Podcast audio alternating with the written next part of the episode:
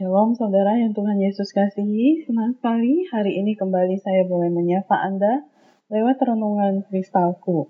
Bagaimana kabarnya hari ini? Tentunya baik bukan? Mari sebelum kita membaca dan merenungkan firman Tuhan di hari ini, kita bersama-sama tundukkan kepala mohon pertolongan dan pimpinan Tuhan. Bapa di dalam surga kami bersyukur kepadamu ya Tuhan, untuk pertolongan Tuhan, anugerah Tuhan, penyertaan Tuhan, kami boleh lewati sepanjang malam dalam istirahat kami, dan pagi ini kami boleh bangun dengan kekuatan yang baru daripadamu ya Tuhan. Dan saat ini bersama-sama kami mau membaca dan merenungkan firman-Mu. Tuhan berbicara kepada kami sebab kami telah siap untuk mendengarkannya. Demi nama Tuhan Yesus kami sudah berdoa. Amin. Pembacaan firman Tuhan pada hari ini dari Mazmur nomor 15, ayatnya yang pertama hingga ayatnya yang kelima. Demikian firman Tuhan dengan judul perikop Siapa yang boleh datang kepada Tuhan? Mazmur Daud Tuhan, siapa yang boleh menumpang dalam kemamu? Siapa yang boleh diam di gunungmu yang kudus? Yaitu dia yang berlaku tidak bercela, yang melakukan apa yang adil, dan yang mengatakan kebenaran dengan segenap hatinya, yang tidak menyebarkan fitnah dengan lidahnya, yang tidak berbuat jahat terhadap temannya, dan yang tidak menimpakan celah kepada tetangganya, yang memandang hina orang yang terpingkir, tetapi memuliakan orang yang takut akan Tuhan, yang berpegang pada sumpah walaupun rugi, yang tidak meminjamkan uangnya dengan makan riba, dan tidak menerima suap melawan orang yang tak bersalah.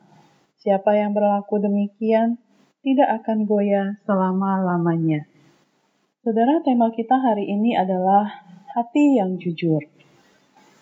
Seorang bercerita pada suatu hari dia membaca ukiran pada sebuah batu nisan tua yang terdapat di sebuah pemakaman.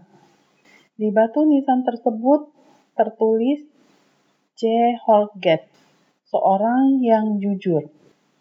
Dia mengatakan, saya tidak tahu apa-apa tentang hidup Holgate. Tentang hidup Holgate. Dia mengatakan saya tidak tahu apa-apa tentang hidup Holgate. Tetapi karena nisannya dihias dengan sangat indah, saya menduga pastilah ia seorang yang kaya raya. Namun apa pun pencapaiannya dalam hidup, ia dikenang hanya untuk satu hal, yakni ia adalah seorang yang jujur. Diogenes seorang filsuf asal Yunani menghabiskan sepanjang hidupnya untuk mencari kejujuran. Ia akhirnya menyimpulkan bahwa orang jujur itu tidak ada. Orang jujur memang sulit ditemukan di zaman apa pun, tetapi kejujuran merupakan sifat yang sangat penting. Kejujuran bukanlah kebijakan terbaik. Kejujuran merupakan kebijakan satu-satunya dan salah satu tanda dari seorang pria atau wanita yang hidup dalam hadirat Allah. Daud menulis, Tuhan, siapa yang boleh diam di gunungmu yang kudus? Yaitu dia yang berlaku tidak bercela. Mazmur nomor 15 ayat 1 sampai 2. Saya bertanya pada diri sendiri, apakah saya dapat dipercaya dan punya sikap terhormat dalam semua perbuatan saya? Apakah perkataan saya menyatakan kebenaran? Apakah saya berbicara benar dalam kasih? Ataukah kadang saya memalsukan dan mengaburkan kenyataan yang ada atau membesar-besarkan sesuatu di luar proporsinya? Jika saya telah menyimpang, saya perlu berpaling kepada Allah dengan keteguhan hati dan memohon pengampunan serta diberikan hati yang baik dan jujur. Agar kejujuran menjadi bagian yang tak terpisahkan dari jati diri saya. Dia yang telah memulai karya yang baik di dalam diri saya adalah Allah yang setia. Dia pasti akan menjawab doa kita. Ingatlah, jalanilah hidup agar saat orang memikirkan kejujuran dan integritas mereka dapat melihatnya dalam hidup Anda dan saya. Mari kita berdoa. Bapa di dalam surga, kami mengucap syukur kepadamu ya Tuhan. Hari ini kami boleh belajar kebenaran firman-Mu Tuhan. Jujur bukanlah hal yang mudah. Kejujuran merupakan kebijakan satu-satunya dan merupakan tanda seorang hidup di hadirat Tuhan. Bapak di dalam surga, kiranya Engkau boleh mendapati setiap kami orang-orang yang dapat dipercaya, punya sikap terhormat dalam semua perbuatan kami, kami selalu hidup dalam kebenaran dan kasih-Mu ya Tuhan. Tolong kami untuk memiliki hati yang tidak menyimpang dan berpaling daripada Engkau dan kebenaran-Mu Tuhan.